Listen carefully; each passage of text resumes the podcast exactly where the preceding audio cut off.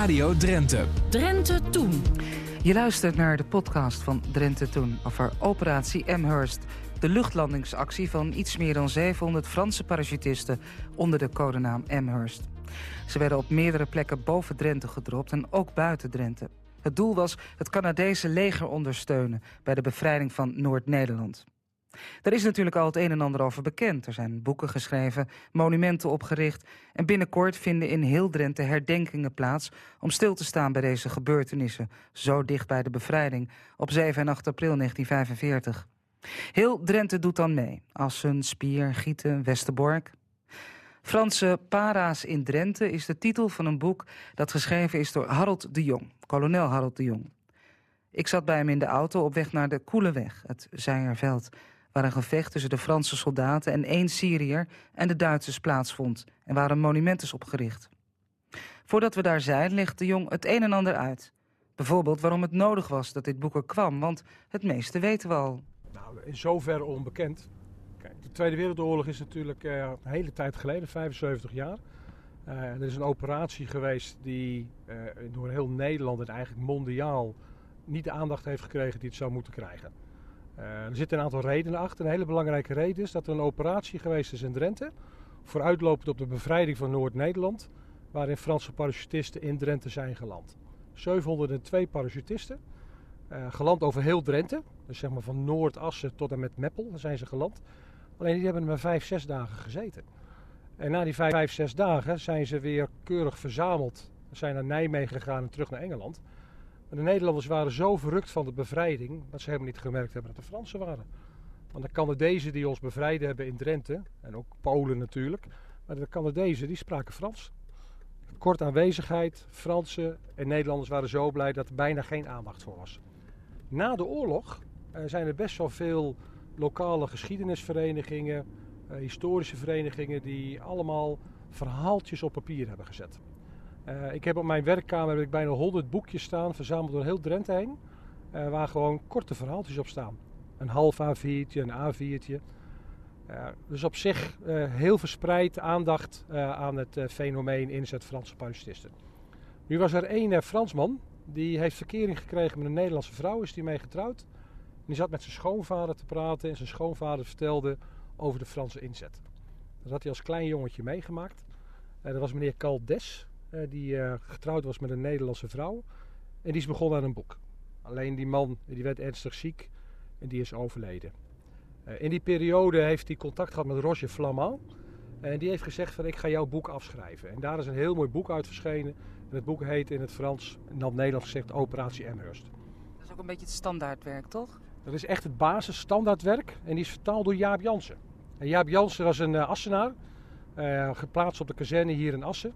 Uh, heel veel op vakantie geweest in Frankrijk, was Frans goed onderlegd. En die heeft het boek vertaald.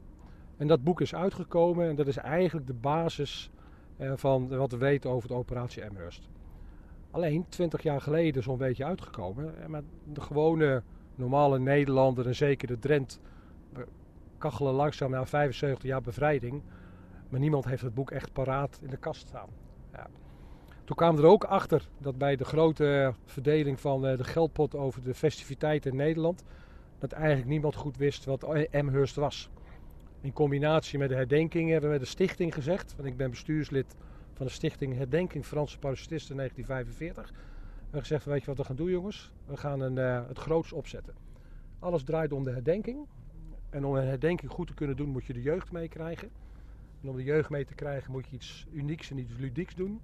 Dus we dachten aan een stadsexpositie. En de stadsexpositie, uh, daar heb je een boek voor nodig. Dus we hebben het boek herschreven. Uh, tijdens het herschrijven van uh, het verhaal van Roger Flamand kwamen er heel veel kleine dingetjes boven borrelen. al die kleine boekjes uit de omgeving hebben we op een hoop gegooid. en toen zijn we gaan kijken wat ontbreekt er nog. En wat echt ontbreekt is een goed inzicht en samenspel van al die losse acties die zijn geweest. 47 Franse groepjes met parachutisten, dat noemen we een stik. Elke stik bestond uit 15 uh, eh, jonge mannen. Uh, verdeeld uh, wat Frankrijk toen was, dat was een wereldmacht. En zo zie je, maar daar rijden we nu heen. Bijvoorbeeld een monument waar een Fransman om het leven is gekomen, waar tussen haakjes achter staat Syrië.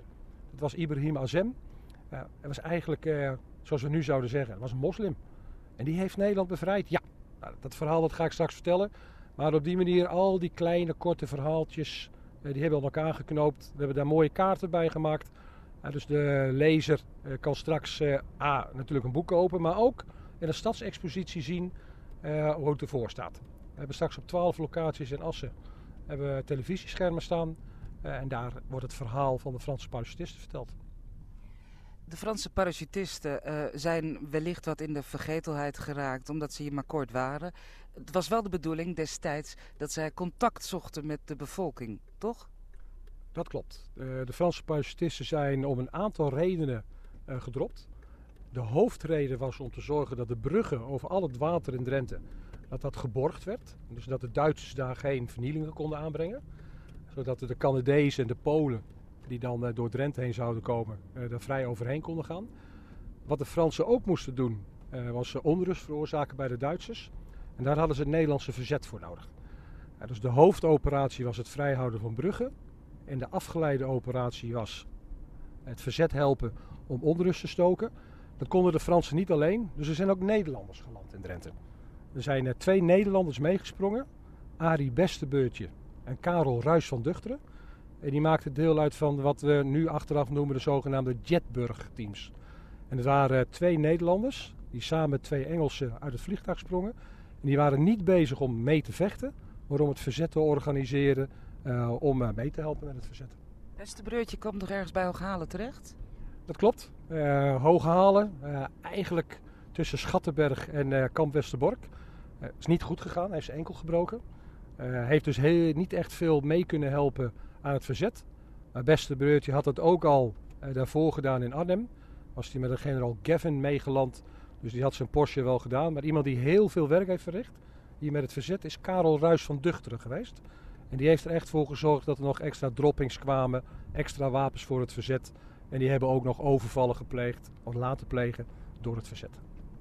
Levensgevaarlijke onderneming, uh, als ik erover lees. Ja, maar dat is alles met, wat met oorlog te maken heeft. Uh, de mannen die hebben een hele bijzondere opdracht uitgevoerd. Uh, tegenwoordig doen we dat nog steeds. Dat zijn SAS-operaties, Special Forces. Diep in vijandelijk gebied. Dat hebben de Fransen hier ook gedaan. Kleine groepjes, onrust veroorzaken, bruggen in bezit nemen. Ja, en je land midden in vijandelijk gebied. Dus links en rechts van jou liepen in die tijd Duitsers rond. Maar we hadden ook foute Nederlanders, landwachters. Die, iedere NSB'er was fout in de oorlog. Niet iedere landwachter was fout, maar we hadden er een paar tussen zitten. Het was echt verschrikkelijk. Die waren heel fout? Die waren echt heel fout. Ik laat je straks een uh, locatie zien. Daar rijden we langs. Daar is een landwachter uh, om het leven gebracht door een uh, Franse soldaat. Maar die had al de hele nacht op de Franse soldaten gejaagd. En dat, daar rijden we zo langs. Dat laat ik je zo zien. Die Franse parachutisten wisten natuurlijk waar ze naartoe gingen. Wat hun opdracht was. Wie wisten dat hier in Drenthe dat ze kwamen? Helemaal niemand. En dat was bewust gedaan om te voorkomen, dat was een vertrouwenskwestie. De, het Nederlands verzet was wel geïnformeerd dat er een geallieerde operatie zou plaatsvinden. Er waren ook afspraken met Radio Oranje eh, dat er een bepaalde code over de radio zou komen eh, waarin ze eh, actie zouden ondernemen. Eh, de code op de radio was de boot is omgeslagen. Eh, en als dat bericht kwam, dan moest het verzet op zoek gaan naar parachutisten in de regio. En dat is ook gebeurd, want op zondag 8 april in de avond is die code over de radio verschenen. Uh, en als je daar meer over wil weten, is een heel mooi boekje. Door meneer Kroesinga geschreven over Gasselte. En dat boekje heet ook De boot is omgeslagen. Op internet is het heel goed te vinden bij www.boekwinkeltjes.nl. Dan kan je mooie tweedehands boeken kopen. Maar de omstandigheden waren zo dat, ja, het is een beetje een rare beeldspraak, maar dat de mensen hier voelden dat bevrijding in de lucht hing? Dat klopt. Uh, natuurlijk Radio Rande Oranje deed al berichtgeving over uh, de operatie die in Arnhem was geweest. Die kenden we als een brug te ver.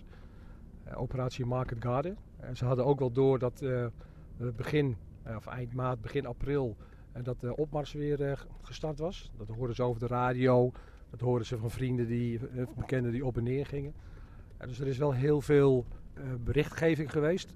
En het was natuurlijk een hele spannende tijd de Duitsers die vluchten een beetje weg. Men wist dat het fout ging.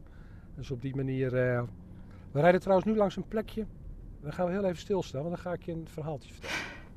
Ibrahim Azem, zijn naam viel al even. En over hem is een lied geschreven door Frans Westerbrink. Kolonel de Jong vertelde me dat er bij de plechtigheden een nieuwe versie van wordt gezongen. Maar die hebben we niet, dus houden wij het bij het origineel.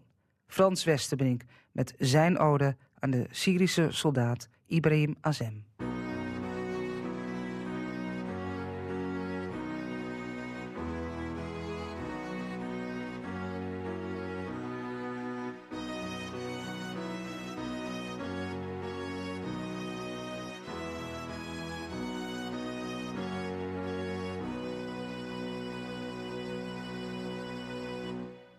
De Syriër Ibrahim Azem, voor hem zing ik dit requiem. En voor soldaat Pierre Valayer, die hopelijk rust in vrede. Marcel Levec, Pierre Bevalo, Robert Spinacia, ja Muns en zo. In Zeierveld een monument, geen Drent heeft ze gekend. Hij was een Frans parachutist, de oorlog was zo wat beslist. In het grote vliegtuig droomde hij, nog even, dan is het voorbij. Was 10 april, een lentedag, hij bus niet eens voor Drenthe lag. Hij vucht hier simpel om bevel, hij haatte deze oorlogshel. Hij haatte de paradepas, hij wol dat in Damascus was. Hij wist niet eens wat vrijheid was. En hij was bang. Ibrahim Azem de held, die vond zijn dood in Zeierveld. Maar dat het was in Zeierveld, dat is hem nooit verteld. Hij was een Syrische chasseur, zijn was een mitrailleur. Het hulp hem niet, die mitrailleur, een mof, die was hem vuur. Azem moest leger in, het koloniale rotregime. Hij was een arme Arabier, de oorlog bracht hem hier. Het was 10 april, een lentedag. Hij wist niet eens waar Drenthe lag. Hij vucht hier simpel op bevel. Hij haatte deze oorlogsheld. Hij haatte de paradepas. Hij wol dat in Damascus was. Hij wist niet eens wat vrijheid was. En hij was bang.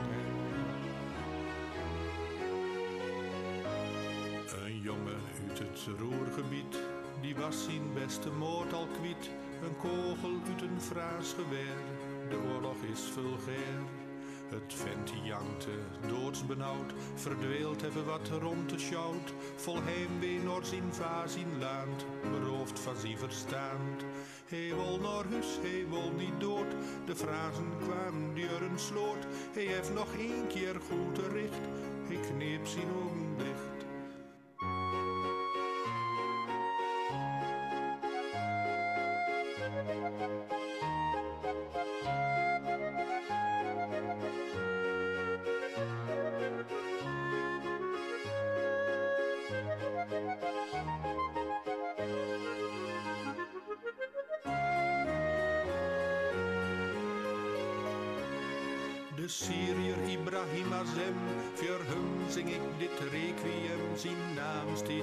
steen vermeld, hij sneuvelde in Zeierveld. Het was 10 april, een lentedag, hij wist niet eens waar Drenthe lag. Hij wist niet eens wat vrijheid was.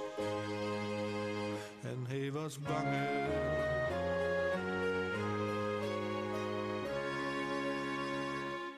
We zijn uh, gestopt hier. Um, waar, waar, zijn we eigenlijk?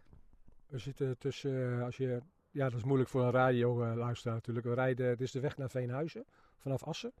eigenlijk van boven Smilde naar Veenhuizen. Dit is het, moet ik even kijken. Norgevaart toch? Norgevaart, we staan aan de Norgevaart, dat is ook zo.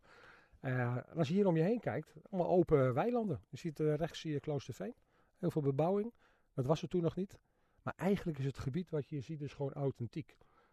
En voor de, de, planners in Engeland, toen ze op de Nederlandse kaart aan het kijken waren, is als dit een ideale locatie om Stix te laten landen. Even tussendoor, dat landen, hè, dat ging soms kilometers vanaf de beoogde plek. Was daar rekening mee gehouden? Is dat altijd zo? Ik heb daar geen verstand van, maar als je landt met een parachute, dat je er zomaar een paar kilometer naast kunt zitten? Dat is heel bewust gedaan. Die, uh, uh, ook tegenwoordig nog, als je een operatie hebt en je wil uh, op een brug landen, dan ga je niet op de brug landen, want dan schrikt iedereen wakker. Dan schieten ze op je. Dus je landt meestal tussen de 5 en de 8 kilometer er vandaan. Dan heb je rustig de tijd om te gaan hergroeperen. de containers met wapens die meegegooid worden. Want aan je lichaam kan je niet allemaal zware middelen binden. En je hebt je basisuitrusting plus je parachute. Maar een zware mitrailleur of explosieven, die worden apart gedropt. Nou, zo'n stik die landt, dat zijn er 15.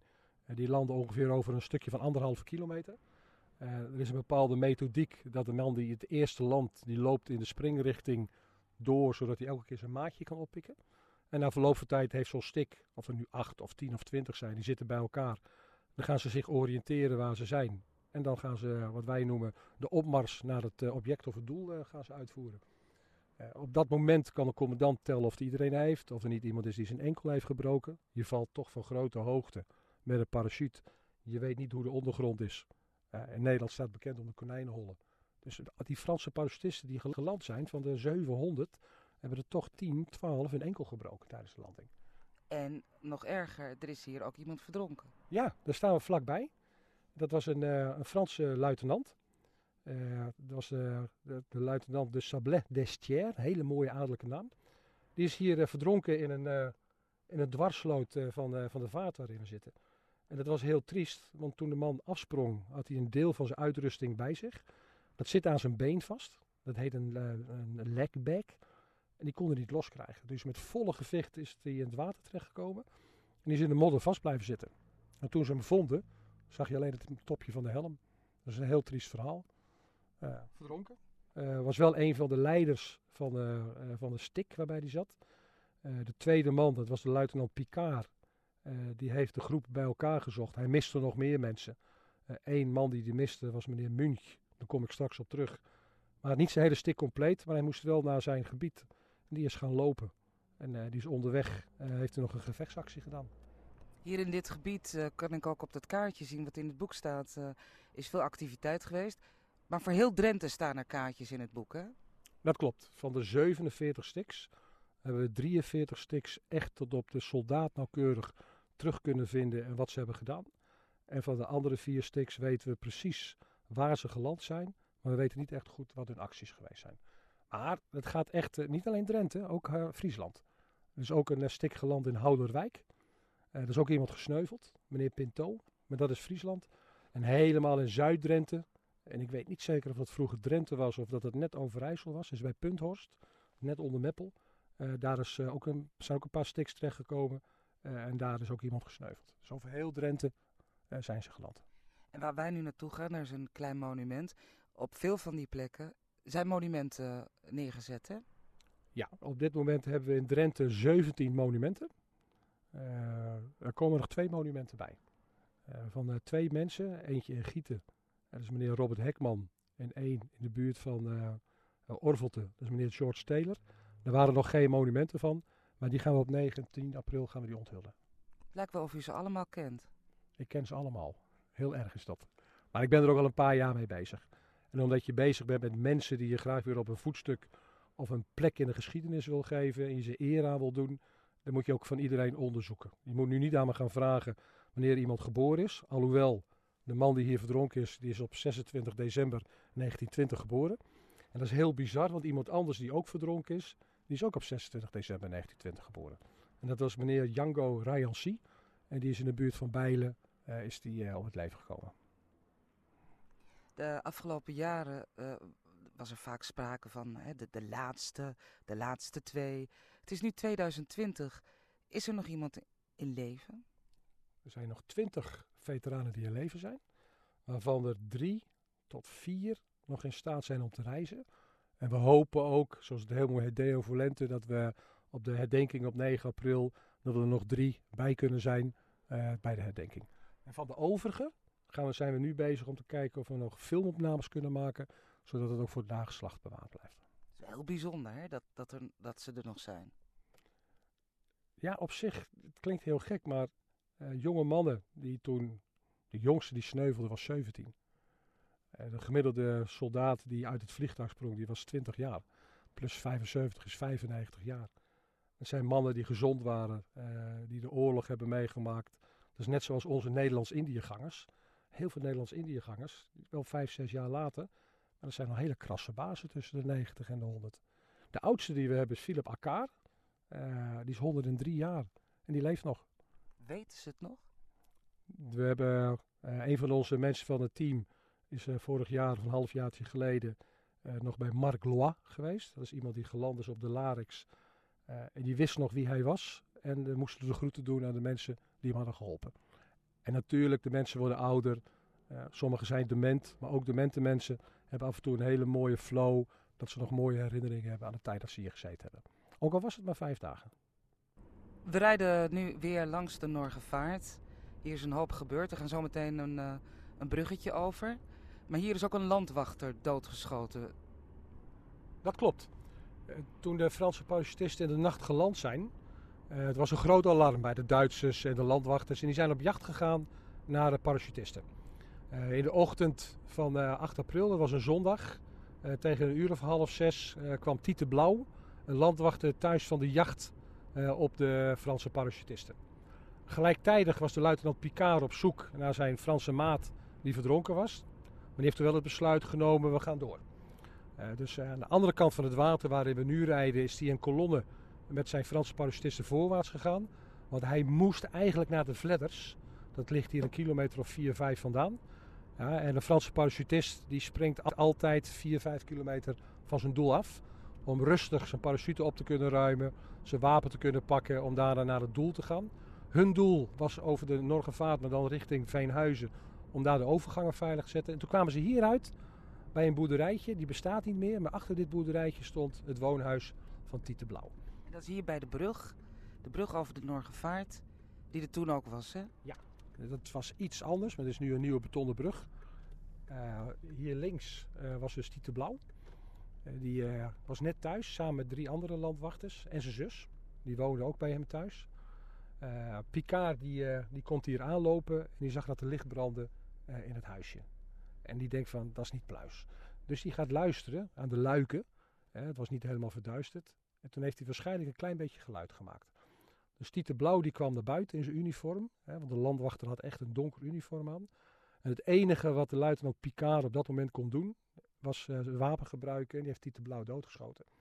En daarna is hij heel snel met de stick uh, een klein stukje deze weg afgerend. Daarna links het bos in. En dan helemaal rond achter Huisterheide langs richting de Vledders uh, omgelopen.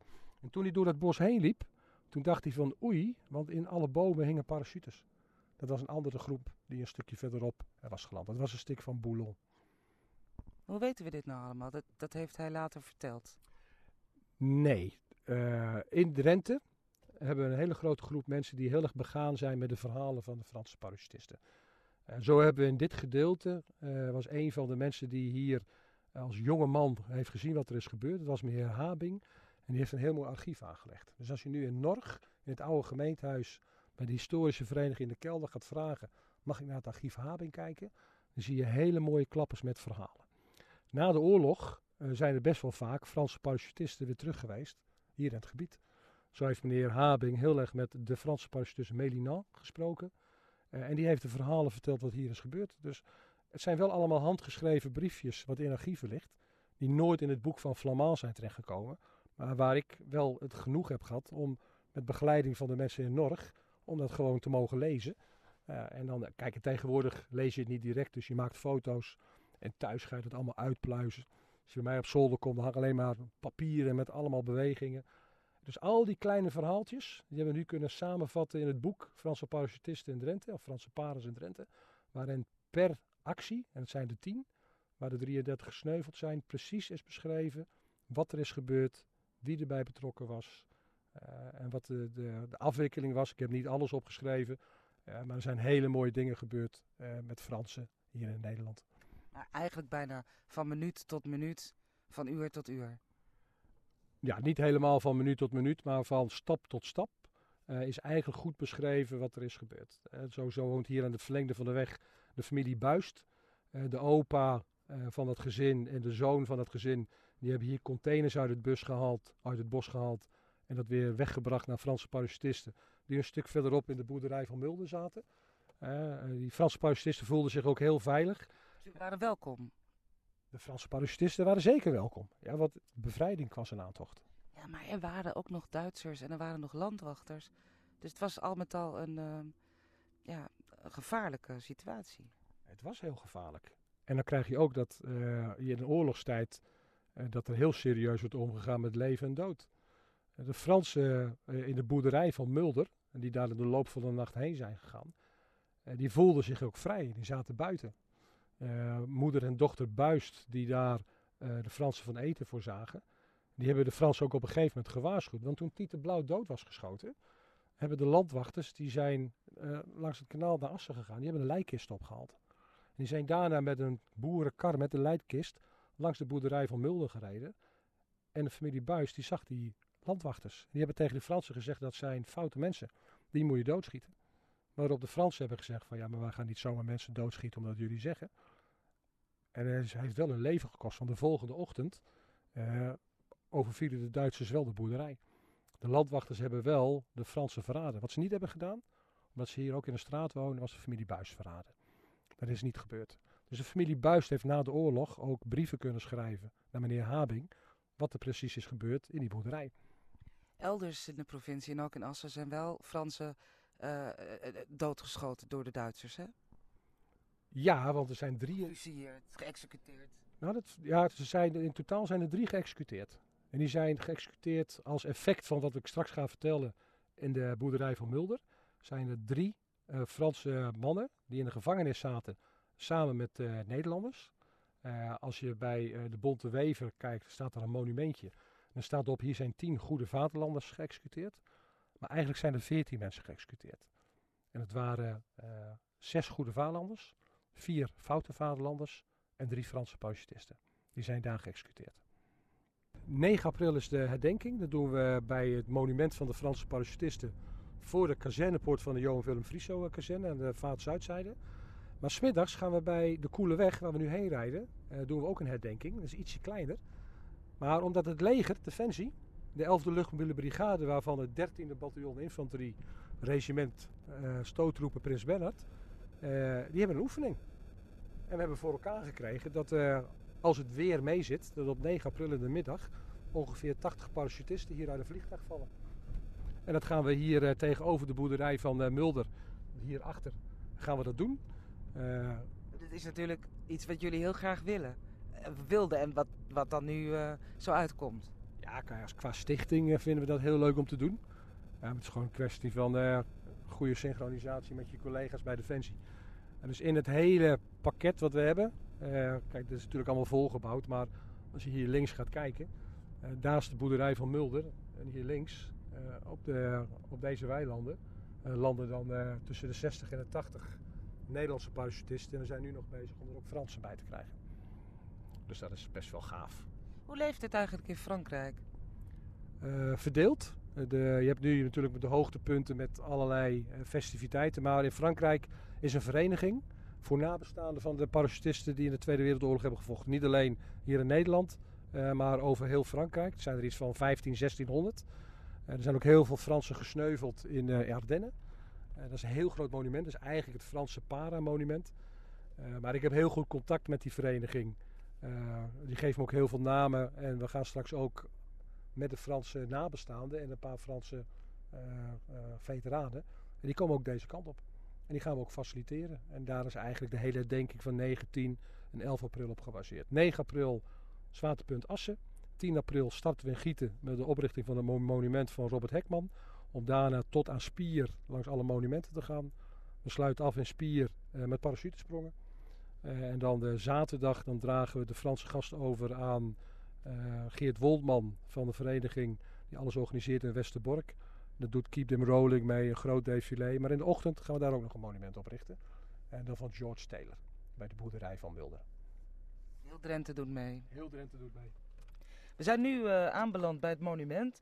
Dat is uh, op het terrein van een boer, die daar vast geen uh, moeite mee heeft, denk ik. Deze boerderij die stond hier ook al vroeger?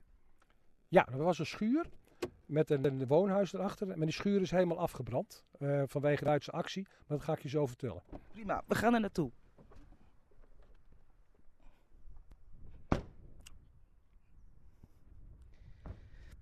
Het monument is een uh, soort plaquette, of het is een plaquette van marmer, in de muur van de schuur van het gebouw. Er hangt een, uh, een sjerp in de kleuren van de Franse vlag. Dat zijn ook de kleuren van de Nederlandse vlag. en een wit kruis met daarop een rond embleem. Special Air Service. Kolonel eh, De Jong, ik leg even uit hoe het eruit ziet. Heel goed. Moet ik het uitleggen hoe het eruit ziet? Nou, u kunt u ongetwijfeld beter. We staan hier op een plek en dat is een hele, hele bijzondere plaats. Uh, je loopt heel even mee een klein stukje, dan kan ik iets aanwijzen. Probeer ik ook een beetje beelden voor de luisteraar recht te zetten. We staan hier bij een heel groot weiland en we kijken naar Kloosterveen. En achter de hoogspanningmasten heb je eigenlijk de kazerne van Assen. De vaart, zuidzijde. En dan heb je een boscomplexje, dat heette, vroeger heette dat Larix. En daar is een stik geland. En de boer die daar zat, uh, die vond het heel eng dat hij al die Franse parachutisten hier had. En toen de parachutisten zeiden, we moeten eigenlijk ongeveer 10 kilometer verder naar het noorden zijn, heeft hij gezegd van, ik ga jullie meenemen. Dat was de boer Slofstra.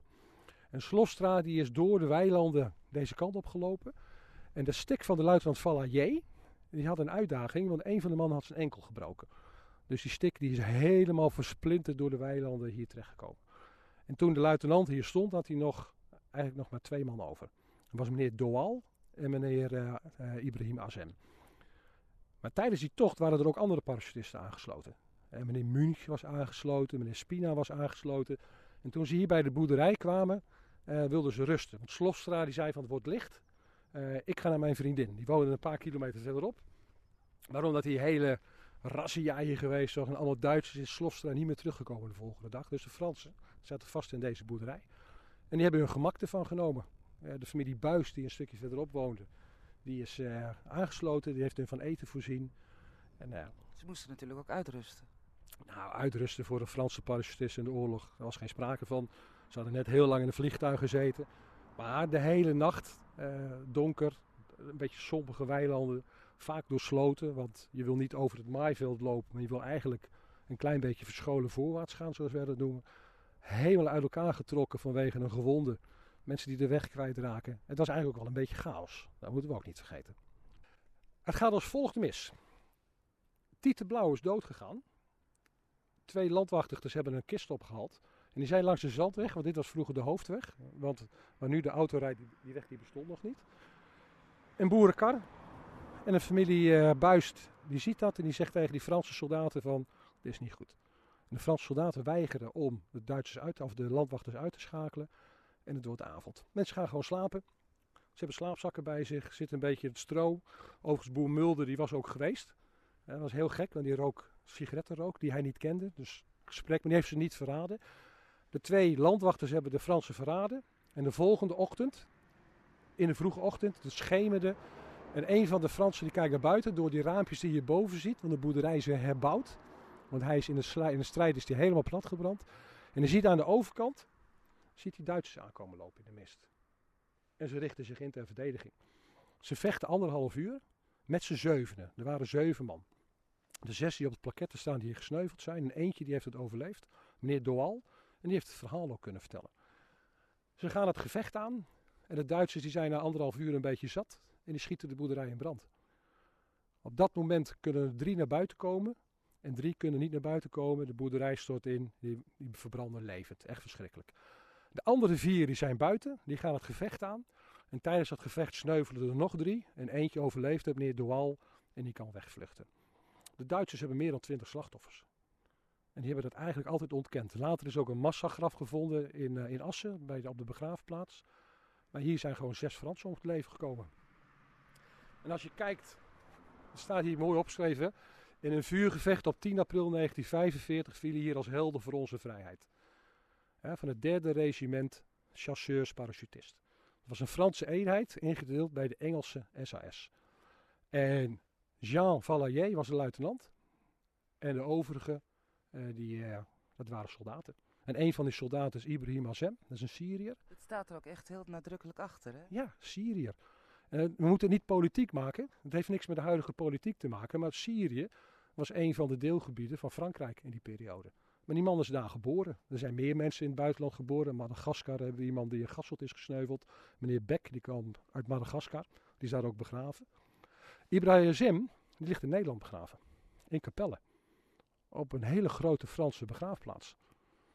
Nu heeft het niks met Drenthe te maken, maar op die begraafplaats liggen Fransen die in mei 1940 gesneuveld zijn in Zeeland.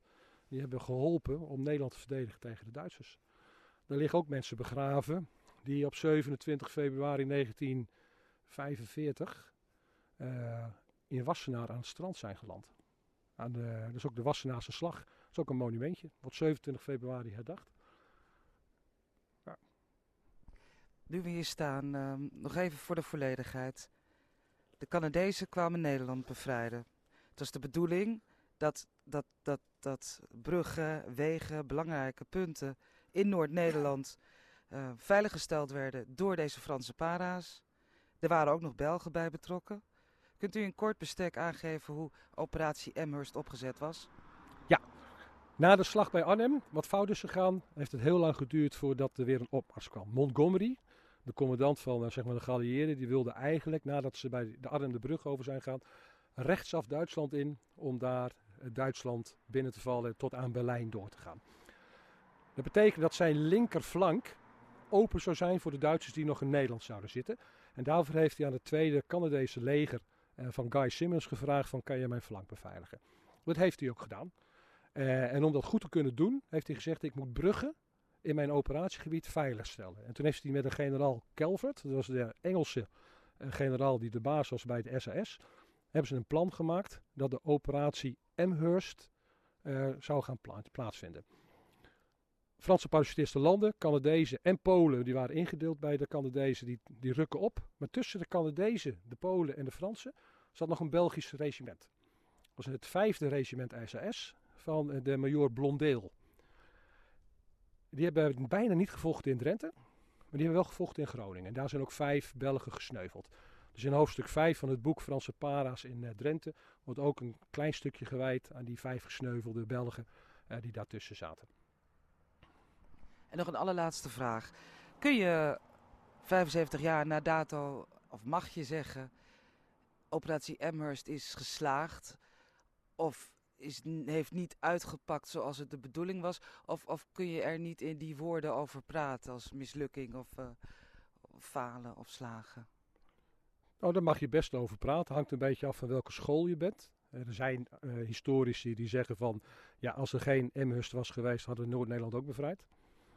Uh, Zonder de Franse parachutisten was het ook gelukt. Ja, maar wel een paar dagen later. En misschien had het heel veel levens, het heeft gewoon heel veel levens gered.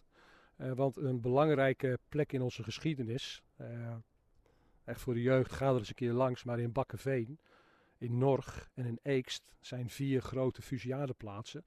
Waar jonge mannen uit het verzet vanuit het schooltehuis heen zijn gebracht op 8 en 9 april 1945 en daar zijn geëxecuteerd. Er stonden er nog 27 op de lijst. En die konden ze niet meer executeren. Dus alleen al het feit dat de Fransen hier geland zijn, heeft het leven van 27 Nederlanders gespaard. En misschien nog wel van veel meer. En dan was er nog een andere school. Een andere school die zegt van ja, elke operatie waarbij je de bruggen veiligstelt, draagt bij aan een snellere opmars. En dat is ook gebeurd. Waar is ze anders vernietigd door de Duitsers? De, de Canadezen? De bruggen. De bruggen die zijn kapot gemaakt. Ik denk van de 80 bruggen dat er meer dan 70 kapot gemaakt zijn door de Duitsers. En die dan niet kapot zijn gemaakt, dat hebben we te danken aan de Franse paraat. Ja, ik pak er één brug uit. Dat is de brug in Smilde. En dat is de Veenhoopsbrug. Dat is een brug dat je van de linkerkant van het kanaal naar de rechterkant van het kanaal kan gaan. Uh, daar is meneer Jan Frisio, uh, een verzetsman.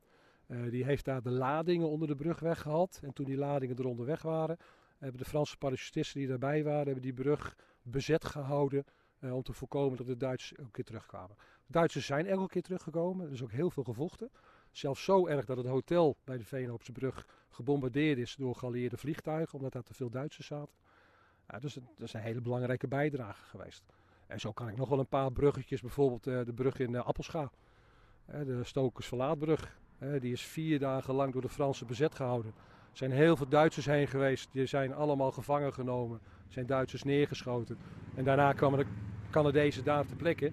Dan konden ze over de brug uh, verder richting Friesland rijden.